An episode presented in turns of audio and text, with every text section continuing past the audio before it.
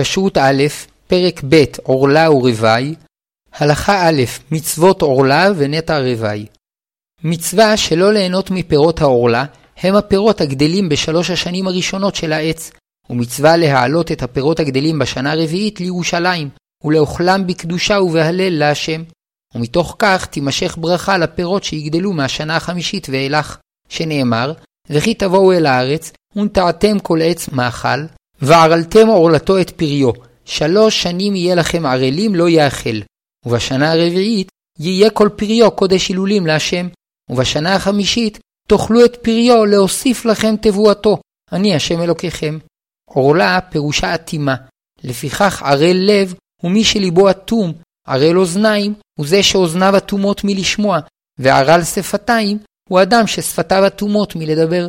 הרי שנצטווינו שפירות שלוש השנים הראשונות יהיו אטומים לנו, שלא נאכלם ולא נהנה מהם. ביום שעברו בני ישראל את הירדן בימי יהושע בן נון ונכנסו לארץ, התחייבו במצוות עורלה, שנאמר, וכי תבואו אל הארץ ונטעתם. ואף עץ שגוי נטע בשדהו מאז ואילך, חייב בעורלה, ופירותיו אסורים עלינו בהנאה, שנאמר כל עץ מאכל, לרבות עץ שנטע גוי. בחוץ לארץ, דין עורלה נוהג מהלכה למשה מסיני, וקבעה ההלכה שהוא נוהג רק כאשר יש ודאות שהפירות עורלה, אבל כל שיש ספק בדבר, למרות שמסתבר מאוד שהפירות עורלה, אין בהם איסור, שספק עורלה בארץ אסור, ובחוץ לארץ מותר. גבולות הארץ לעניין מצוות עורלה הם גבולות עולי מצרים, וגם לסוברים שדרום הערבה מחוץ לגבול עולי מצרים, כיוון שהוא תחת שלטון מדינת ישראל, חלה עליו המצווה מהתורה. אחד הנוטע גרעין ואחד הנוטע ייחור, מעת שהשרישו באדמה, מתחילים למנות להם שלוש שנים. כשרות א', פרק ב' עורלה ורווי, הלכה ב' טעם המצווה. טעם המצווה לכבד את השם בראשית פירות העץ, לאוכלם בקדושה בירושלים, ולהלל בהם את השם על כל הטוב שהעניק לנו. וכיוון שבדרך כלל הפירות הגדלים בשלוש השנים הראשונות אינם מרובים ומשובחים, אין ראוי להלל בהם את השם, ועל כן אסרה אותם התורה, כדי שתחילת אכילתנו תהיה בקדושה ובהלל להשם בשנה הרביעית, שבה כבר גדלים פירות רבים וטובים. ומתוך כך, נועם השם וברכתו יחולו על הפירות הגדלים בכל השנים, ואכילתם תהיה מחוברת לאמונה, ותעניק חיוניות להוסיף טובה וברכה בעולם. כיוצא בזה ציוותה התורה לקדש את בכור האדם ואת בכור הבהמה ואת פירות הביקורים. וכן הוא טעמן של מצוות חדש, תרומה, חלה וראשית הגז. עוד למדנו ממצווה זו את ערך האיפוק, שהוא חשוב ומועיל מאוד. היכולת להתאפק ולדחות את סיפוק הרצון לזמן המתאים הוא תנאי הכרחי להצלחתו של האדם בעולם הזה ובעולם הבא. לדוגמה, ידוע שאדם שילמד בנעוריו בשקידה, יצליח יותר בחייו האישיים ובפרנסתו, ואף על פי כן, צעירים רבים אינם מצליחים להתאפק, נגררים אחר יצרם ומאבדים את זמנם בבילויים שונים. כמו כן, ידוע שקשרי חברות בין בחורים ובחורות שלא לשם נישואין, מזיקים ליכולתם להינשא ולהקים באהבה בית נאמן. ואף על פי כן, רבים אינם מצליחים להתאפק, נגררים אחר יצרם לקשרים סוערים, שאינם מובילים לברית אמת.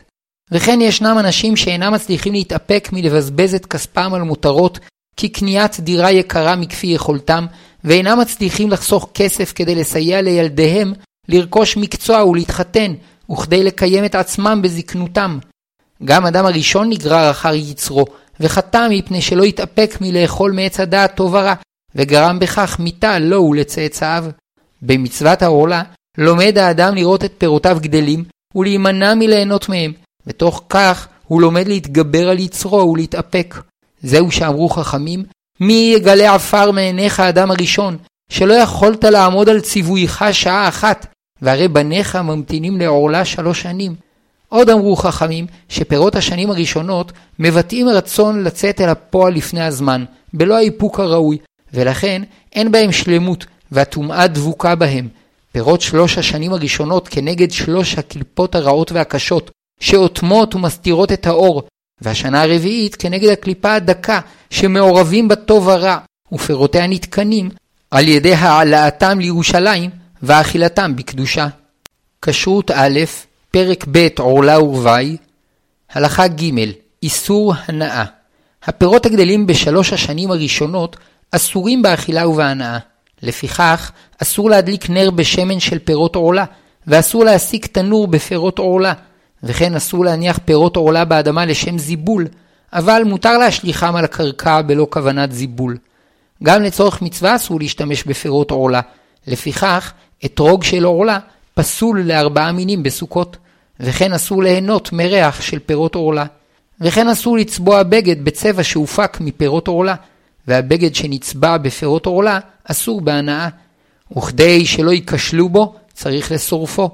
וכל אימת שיש חשש שיבואו ליהנות מפירות עורלה, מצווה לשורפם או לאבדם בדרך אחרת שתמנע את האפשרות ליהנות מהם. ואם אפשר, טוב להסיר את הפרחים או הפירות מהעץ בעודם קטנים, כדי שלא ייכשלו בהם. כל מה שצומח עם הפרי אסור בהנאה, ובכלל זה גרעיני הפרי וקליפתו, וכן מיץ היוצא ממנו. אבל העץ והעלים והפרחים שלו מותרים בהנאה. וכן הפרי בעודו קטן מאוד עד שאינו נחשב פרי ונקרא סמדר, מותר בהנאה. אבל מי שיגיע לשלב הבוסר, למרות שעדיין אינו ראוי לאכילה, הוא כבר נחשב פרי וחל עליו איסור עורלה. אסור לזרוע גרעיני פירות של עורלה, וכן אסור להניח פרי עורלה באדמה כדי שיצמח ממנו עץ. אבל מותר לנטוע ענף של עץ עורלה, הואיל ואין איסור הנאה בעץ. עבר ושתל פרי עורלה, העץ הצומח מותר בהנאה, שכלל נקוט בידינו. זה וזה גורם, מותר. כלומר, כאשר יש שני גורמים לצמיחת העץ, הפרי האסור והאדמה המותרת, העץ הצומח מותר בהנאה. איסור עורלה חל גם על עץ של גוי, שפירותיו אסורים על ישראל בהנאה. אמנם לגוי מותר ליהנות מפירות עורלה שצמחו בעץ שלו או בעץ של ישראל, כי איסור עורלה חל על ישראל ולא על גויים, אבל כיוון שהפירות אסורים על ישראל בהנאה, אסור לישראל למכור את פירות העורלה שלו לגוי, וכן אסור לו לתת אותם במתנה לגוי, או אפילו להאכילם לחיה, כי גם באופן זה יש לישראל הנאה מהם. אמנם, לפני שפירות העורלה החלו לצמוח, מותר למכור אותם לגוי, שהואיל והישראל מקבל את הכסף עוד לפני שהפירות באו לעולם, אין הוא נהנה מהפירות, אלא מהעץ, שאותו הוא מוכר, והעץ מותר בהנאה. וזאת בתנאי שאין חשש שהגוי ימכור את פירות העורלה לישראל ויכשיל אותו באיסור, כגון שהגוי מוכרם במקום שאין שם יהודים. כשרות א', פרק ב' עורלה ורווי, הלכה ד' חישוב שנות העורלה.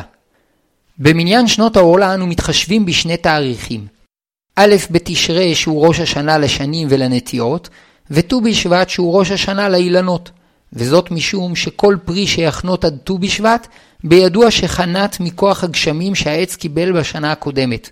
עוד כלל יש לנו, 30 יום בשנה נחשבים שנה. כך הוא החשבון. אם העץ ישתרש באדמה עד יום כ"ט אב, הרי שעד א' בתשרי יעברו עליו 30 יום, ואותם 30 יום יחשבו לו כשנה שלמה. אחר כך יש להמתין עוד שנתיים עד לסיום שלוש השנים, וכיוון שראש השנה לאילנות הוא ט"ו בשבט, יש להמתין עד ט"ו בשבט, כי הפירות שחונטים לפני ט"ו בשבט חנטו מכוח גשמי השנה הקודמת, כאשר העץ עוד היה עורלה. הרי שאם העץ השריש ביום כ"ט באב תשפ"א, כל הפירות שיחנטו בו עד ט"ו בשבט של שנת תשפ"ד יהיו עורלה. וכל שיחנטו בו מט"ו בשבט תשפ"ד ועד ט"ו בשבט תשפ"ה יהיו נטע רווי. וכל הפירות שיחנטו בו מט"ו בשבט תשפ"ה יהיו חולין. הרי שבפועל דין עורלה יחול עליו במשך שנתיים וחמישה וחצי חודשים. שיערו חכמים שלאחר 14 יום הגרעין או הייחור משתרש באדמה. נמצא שכדי שהעץ ישתרש באדמה עד יום כ"ט אב וירוויחו שנה, יש לנטוע אותו לכל המאוחר בט"ו באב. ואם שתלו שתיל עם גוש אדמתו, אין צריך להמתין 14 יום, כי מעת שמניחים אותו באדמה הוא נחשב מושרש בה.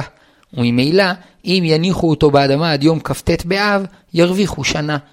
אבל אם העץ ישתרש בקרקע מיום ל' באב תשפ"א ואילך, כיוון שלא היו לו 30 יום בשנת תשפ"א, יתחילו לספור לו שנה ראשונה רק באלף תשרי תשפ"ב, ויצטרכו להמתין שלוש שנים שלמות עד א' תשרי תשפ"ה. וכיוון שראש השנה לאילנות הוא בט"ו בשבט, יצטרכו להמתין לו עוד מספר חודשים עד ט"ו בשבט תשפ"ה, ורק אז יפקע מהעץ דין עורלה. הרי שאם העץ הושרש באדמה בל"ד אב תשפ"א, דין עורלה חל עליו במשך שלוש שנים וחמישה וחצי חודשים. ואומנם יש מקלים וסוברים שלעולם אין דין עורלה נמשך יותר משלוש שנים, אולם כיוון שדין עורלה מהתורה, הלכה כדעת המחמירים. כשרות א', פרק ב' עורלה ורווי, הלכה ה' עץ שנעקר או נקצץ. עץ שנעקר ממקומו, אם נותר לו עדיין שורש אחד שמחבר אותו לאדמה, ועוביו לפחות כמחט שההורגים היו מותחים בה את הבגד, אפשר לחזור ולטומנו באדמה והוא פטור מעורלה, הואיל והוא יכול להתקיים בדוחק על ידי שורש זה. ואם לא נותר לו אפילו שורש כזה, כשיטמנו אותו באדמה יתחייב שוב בעורלה. עץ שעקרתו הרוח או נשטף על ידי נהר, ובצמוד לשורשיו נותר גוש אדמה, למרות שאין לו שום שורש שמחברו לקרקע, אם העץ יכול לחיות מגוש האדמה שצמוד לשורשיו 14 יום, אפשר לטמון אותו מחדש באדמה, ואין צריך לחזור לספור לו שנות עורלה. ואם אינו יכול לחיות ממנו 14 יום, כשיטמנו אותו באדמה, יצטרכו לספור לו מחדש שנות עורלה. לפיכך, כאשר יש צורך להעתיק עץ מאכל ממקום למקום, יש להקפיד לעוקרו עם גוש אדמה שיוכל לחיות בו 14 יום, וכך לא יצטרכו לספור לו שנות עורלה מתחילה. וטוב לגוזמו לפני כן ככל האפשר, שעל ידי כך הוא מתקיים בקלות זמן רב. עץ שנקצץ או נשבר, אם נשאר כלשהו מגזעו מעל האדמה, פטור מעורלה, ואם נקצץ כולו וחזר לגדול משורשו, חייב בעורלה. כשרות א', פרק ב' עורלה ורווי, הלכה ו', הברכה ודין נצרים. כדי ליצור הברכה, מכופפים ענף של עץ מפותח, וטומנים את אמצעו באדמה, וראשו יוצא במקום שבו רוצים ליצור עץ נוסף.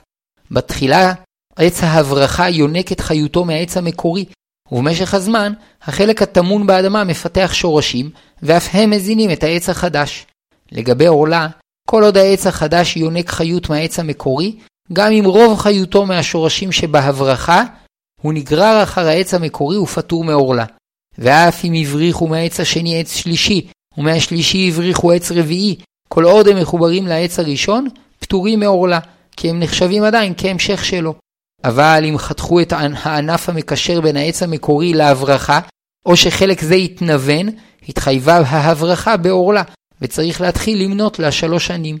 עלו נצרים חדשים, סורים, מתחת לאדמה, למרות שעלו מתוך מערכת השורשים של העץ הוותיק, כל זמן שאין הדבר ניכר, כגון שיצאו במרחק משמעותי מהעץ, יש להם דין של עץ חדש שחייב בעורלה.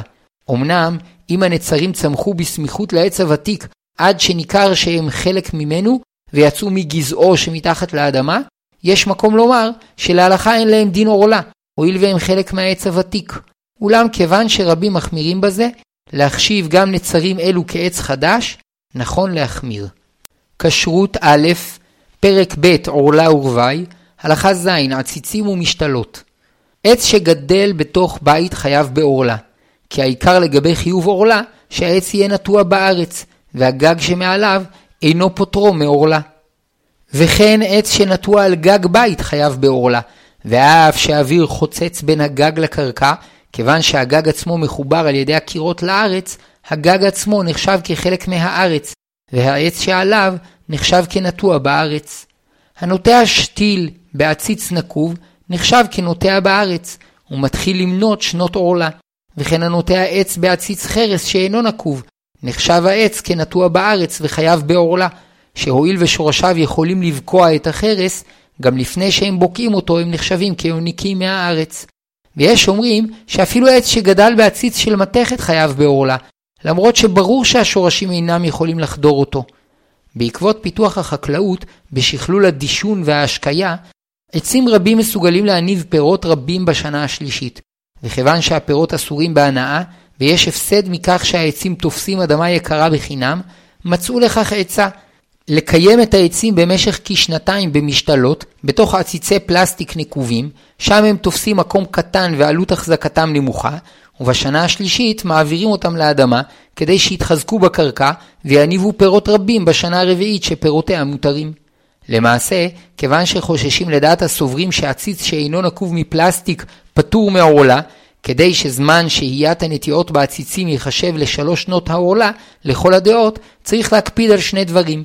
א', שיהיה בעציץ נקב כשיעור שורש קטן, שעל ידו הוא יחשב כמחובר לאדמה, ונהגו להחמיר שיהיה הנקב בקוטר 2.5 סנטימטרים. ב. בעת שמעבירים את השתיל מהעציץ לאדמה, צריך שהגוש שסביב השורשים לא יתפרק. בדיעבד, גם אם רובו יתפרק, כל זמן שיש לשורשיו גוש אדמה שהם מושרשים בו, הוא יכול עדיין להתקיים על ידו, ואין צריך לחזור לספור לו שלוש שנים. אבל אם כמעט כל הגוש יתפרק, עד שיש לחוש שבלא הנחתו באדמה, גם על ידי השקיית הגוש וטיפוחו לא יוכל להתקיים 14 יום, יש למנות לו שלוש שנים לעורלה מתחילה. כשרות א', פרק ב' עורלה ורווי, הלכה ח', הגדרת העצים החייבים בעורלה. מצוות עורלה חלה על עצי פרי ולא על ירקות, וגם ירקות שגדלים על שיחים רב-שנתיים פטורים מעורלה. ההבדל העיקרי בין עץ לירק רב-שנתי, שגזעו של ירק רב-שנתי נובל בכל שנה וחוזר לצמוח בשנה הבאה משורשיו, ואילו גזעו של העץ עם שורשיו נשאר ומתעצם משנה לשנה, וממנו ממשיכים לצמוח בכל שנה ענפים ופירות. לפי זה גם קובעים את הברכה על אכילת הפרי, עץ או אדמה. לכן מברכים על בננה האדמה, ואף שהיא גדלה לגובה של כארבעה מטרים ונראית כמו עץ, כיוון שבכל שנה גזען נובל ושורשיה קמלים והיא חוזרת וצומחת מהפקעת שלה, היא נחשבת כירק. לגבי חצילים ופלפלים התעוררה שאלה, שכן הגזע שלהם נשאר משנה לשנה. אולם למעשה אין בהם דין עורלה, כי הם שונים לגמרי מעץ, שהם נותנים פרי כבר בשנה הראשונה, ובשנה השנייה פירותיהם פוחתים בכמותם ובאיכותם, והם אינם נותנים פירות יותר משלוש שנים. וכפי שלמדנו בתורה, עץ נותן פירות לפחות לחמש שנים, ובזכות שמירת מצוות עורלה, פירותיו מתרבים ומשתבחים בשנה החמישית, שנאמר, וכי תבואו אל הארץ, ונטעתם כל עץ מאכל, וערלתם עורלתו את פריו, שלוש שנים יהיה לכם ערלים לא יאכל, ובשנה הרביעית יהיה כל פריו קודש הילולים להשם, ובשנה החמישית תאכלו את פריו להוסיף לכם תבואתו, אני השם אלוהיכם. וכפי שאמרו חכמים, המצווה הזו שתשמרו תהיה להוסיף לכם תבואתו, שבשכרה אני מברך לכם פירות הנטיעה. היה רבי עקיבא אומר, דיברה תורה כנגד יצר הרע, שלא יאמר אדם, הרי ארבע שנים אני מצטער בו חינם, לפיכך נאמר, להוסיף לכם תבואתו, אני השם. אני השם המבטיח על כך, ונאמן לשמור הבטחתי. וכן מבאר הרמב"ן שהפירות הגדלים בשנה השלישית מעטים ורעים, ורק בשנה הרביעית הם נעשים טובים וראוי להביאם לפני השם כמצוות נטע רוואי. על פי זה, גם אין דין עורלה בפירות פפאיה ופסיפלורה, הואיל והם נותנים פרי כבר בשנה הראשונה, ועד השנה החמישית פירותיהם מתמעטים, ורבים מהם גם אינם מחזיקים מעמד חמש שנים. אמנם יש מחמירים בזה, אבל העיקר כדעת המתירים. וכן אין דיון עורלה בפטל ואסנה על כל סוגיהם, כמבואר בהערה. כשרות א', פרק ב' עורלה ורווי, הלכה ט', הנוטע שלא לשם פירות. הנוטע עץ מאכל שלא לצורך פירותיו, אלא לצורך קורותיו או כדי שישמש גדר, אין על הפירות הגדלים בו דין עורלה, הואיל ואינו נחשב עץ מאכל, ואילו מצוות עורלה חלה רק על עץ מאכל, שנאמר, ונטעתם כל עץ מאכל, והרלתם עורלתו את פריו. אמנם אמרו חכמים שאפשר להקל בכך בתנאי שניכר שהאילן נטוע שם שלא לצורך אכילת פירותיו, כגון שהאילנות צפופים מאוד, כך שניכר שניטעו כדי להשתמש בעציהם לשרפה, או שגוזמים את ענפיו באופן שגורם להם להתעבות, עד שניכר שהעץ ניטע כדי להשתמש בענפיו כקרשים לבניין. או שלפי מיקום נטיעתם המדויק של העצים, ניכר שהם ניטעו כדי לשמש גדר לחצר. ואף אם חשב שרק צידו האחד של האילן ישמש לגדר, ואילו צידו השני יהיה לצורך גידול פירות, הצד של הגדר פטור מעולה, והצד של הפירות חייב בעולה. ואם ירצה לאכול את הפירות המותרים, יפריש מהם תרומות ומעשרות בלא ברכה. ואם נטע את העץ גם לגדר או קורות וגם לפירות, יש לפירותיו דין עורלה. הנוטעים עצים לשם נוי כדוגמת זיתים, אין על פירותיהם דין עורלה. אולם מתעורר ספק לגבי עצים שניטעו לשם נוי, אבל מעוניינים גם בנוי הפירות שלהם, כדוגמת רימונים ותמרים. וכיוון שדין עורלה מהתורה, יש להחמיר בספק, ורק כאשר ברור שלא התכוונו לנוי הפירות, אין עליהם דין עורלה. כשרות א', פרק ב', עורלה ורווי, הלכה י', נטע רווי. הפירות הצומחים על העצים בשנה הרביעית קדושים, ומצווה לאוכלם בטהרם בירושלים, כדין מעשר שני. אם רצה, יכול בעל הפירות לפדות את הפירות בכסף, ולהעלות את הכסף לירושלים, ולקנות בו מאכלים ולאוכלם בטהרה. כיוון שפירות נטע רווי קדושים, אין מצווה לשייר מהם לקט שכחה ופאה לעניים, ואין מצווה להפריש מהם תרומות ומעשרות. בזמן הזה, שאיננו יכולים להעלות את פירות השנה הרביעית ולאוכלם בטהרה בירושלים, פודים את כל הפירות בכסף או בשווה כסף, ובכך מתירים את הפירות באכילה. ואף שהם פירות מרובים, כיוון שאסור לנו לאוכלם בזמן הזה, אין להם שום שווי, אלא שאי אפשר לבצע פעולת פדיון בפחות משווה פרוטה, לכן פודים את כל הפירות על מטבע ששווה לפחות פרוטה, או על מאכל ששווה פרוטה. לפני הפדיון מברכים ברוך אתה השם אלוקינו מלך העולם, אשר קידשנו במצוותיו, וציוונו על פדיון רווי. ואומרים, כל הפירות הללו פדויים בפרוטה זו, או במאכל זה ששווה פרוטה. ואת הפרוטה או המאכל שהתקדשו בפדיון, מאבדים, כדי שלא ייכשלו ויענו בהם.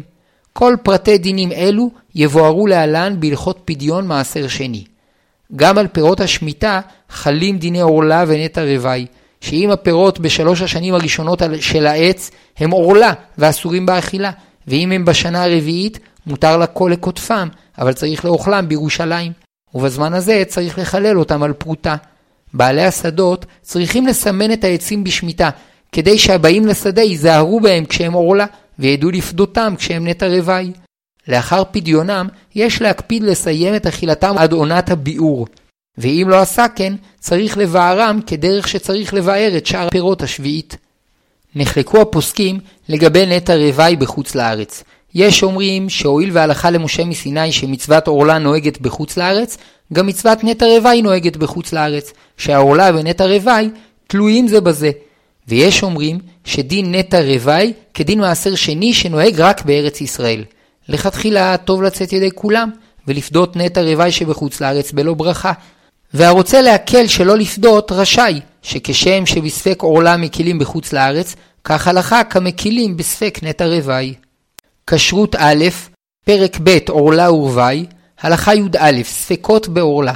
פירות עורלה שהתערבו בפירות רגילים מאותו סוג, כל זמן שאין הפירות הכשרים פי 200 מהעורלה, כל התערובת אסורה. שכך קבעו חכמים, שתרומה שאסורה באכילה מותרת בהנאה, בטלה במאה, ואילו עורלה וכלאיים שאסורים באכילה ובהנאה, בטלים במאתיים.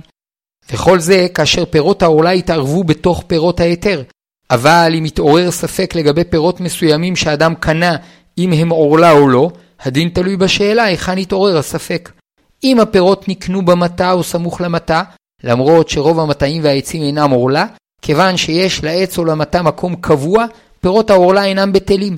כפי הכלל, כל קבוע כמחצה על מחצה דמי, נחשב, והפירות אסורים. אבל אם הפירות נקנו לאחר שהופרשו ממקומם הקבוע והובאו לשוק או לחנויות, הרי שמדובר בספק רגיל, והולכים אחר הרוב, כפי הכלל, כל דה פריש מרובה פריש, כל הפורש נחשב כפורש מהרוב.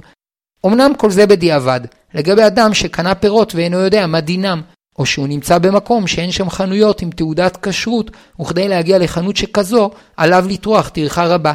אבל אם יש שם חנות עם תעודת כשרות, עליו לצאת מהספק ולקנות בה, וגם אם הוא יודע שמדובר בספק רחוק מאוד, מפני שאחוז העורלה בפירות אלו או באזור זה נמוך ביותר, כשאפשר, חובה לצאת מהספק. בנוסף לכך, מצווה לחזק את המדקדקים בכשרות, ועוד שכאשר יש תעודה כשרות, גם מפרישים תרומות ומעשרות כדין.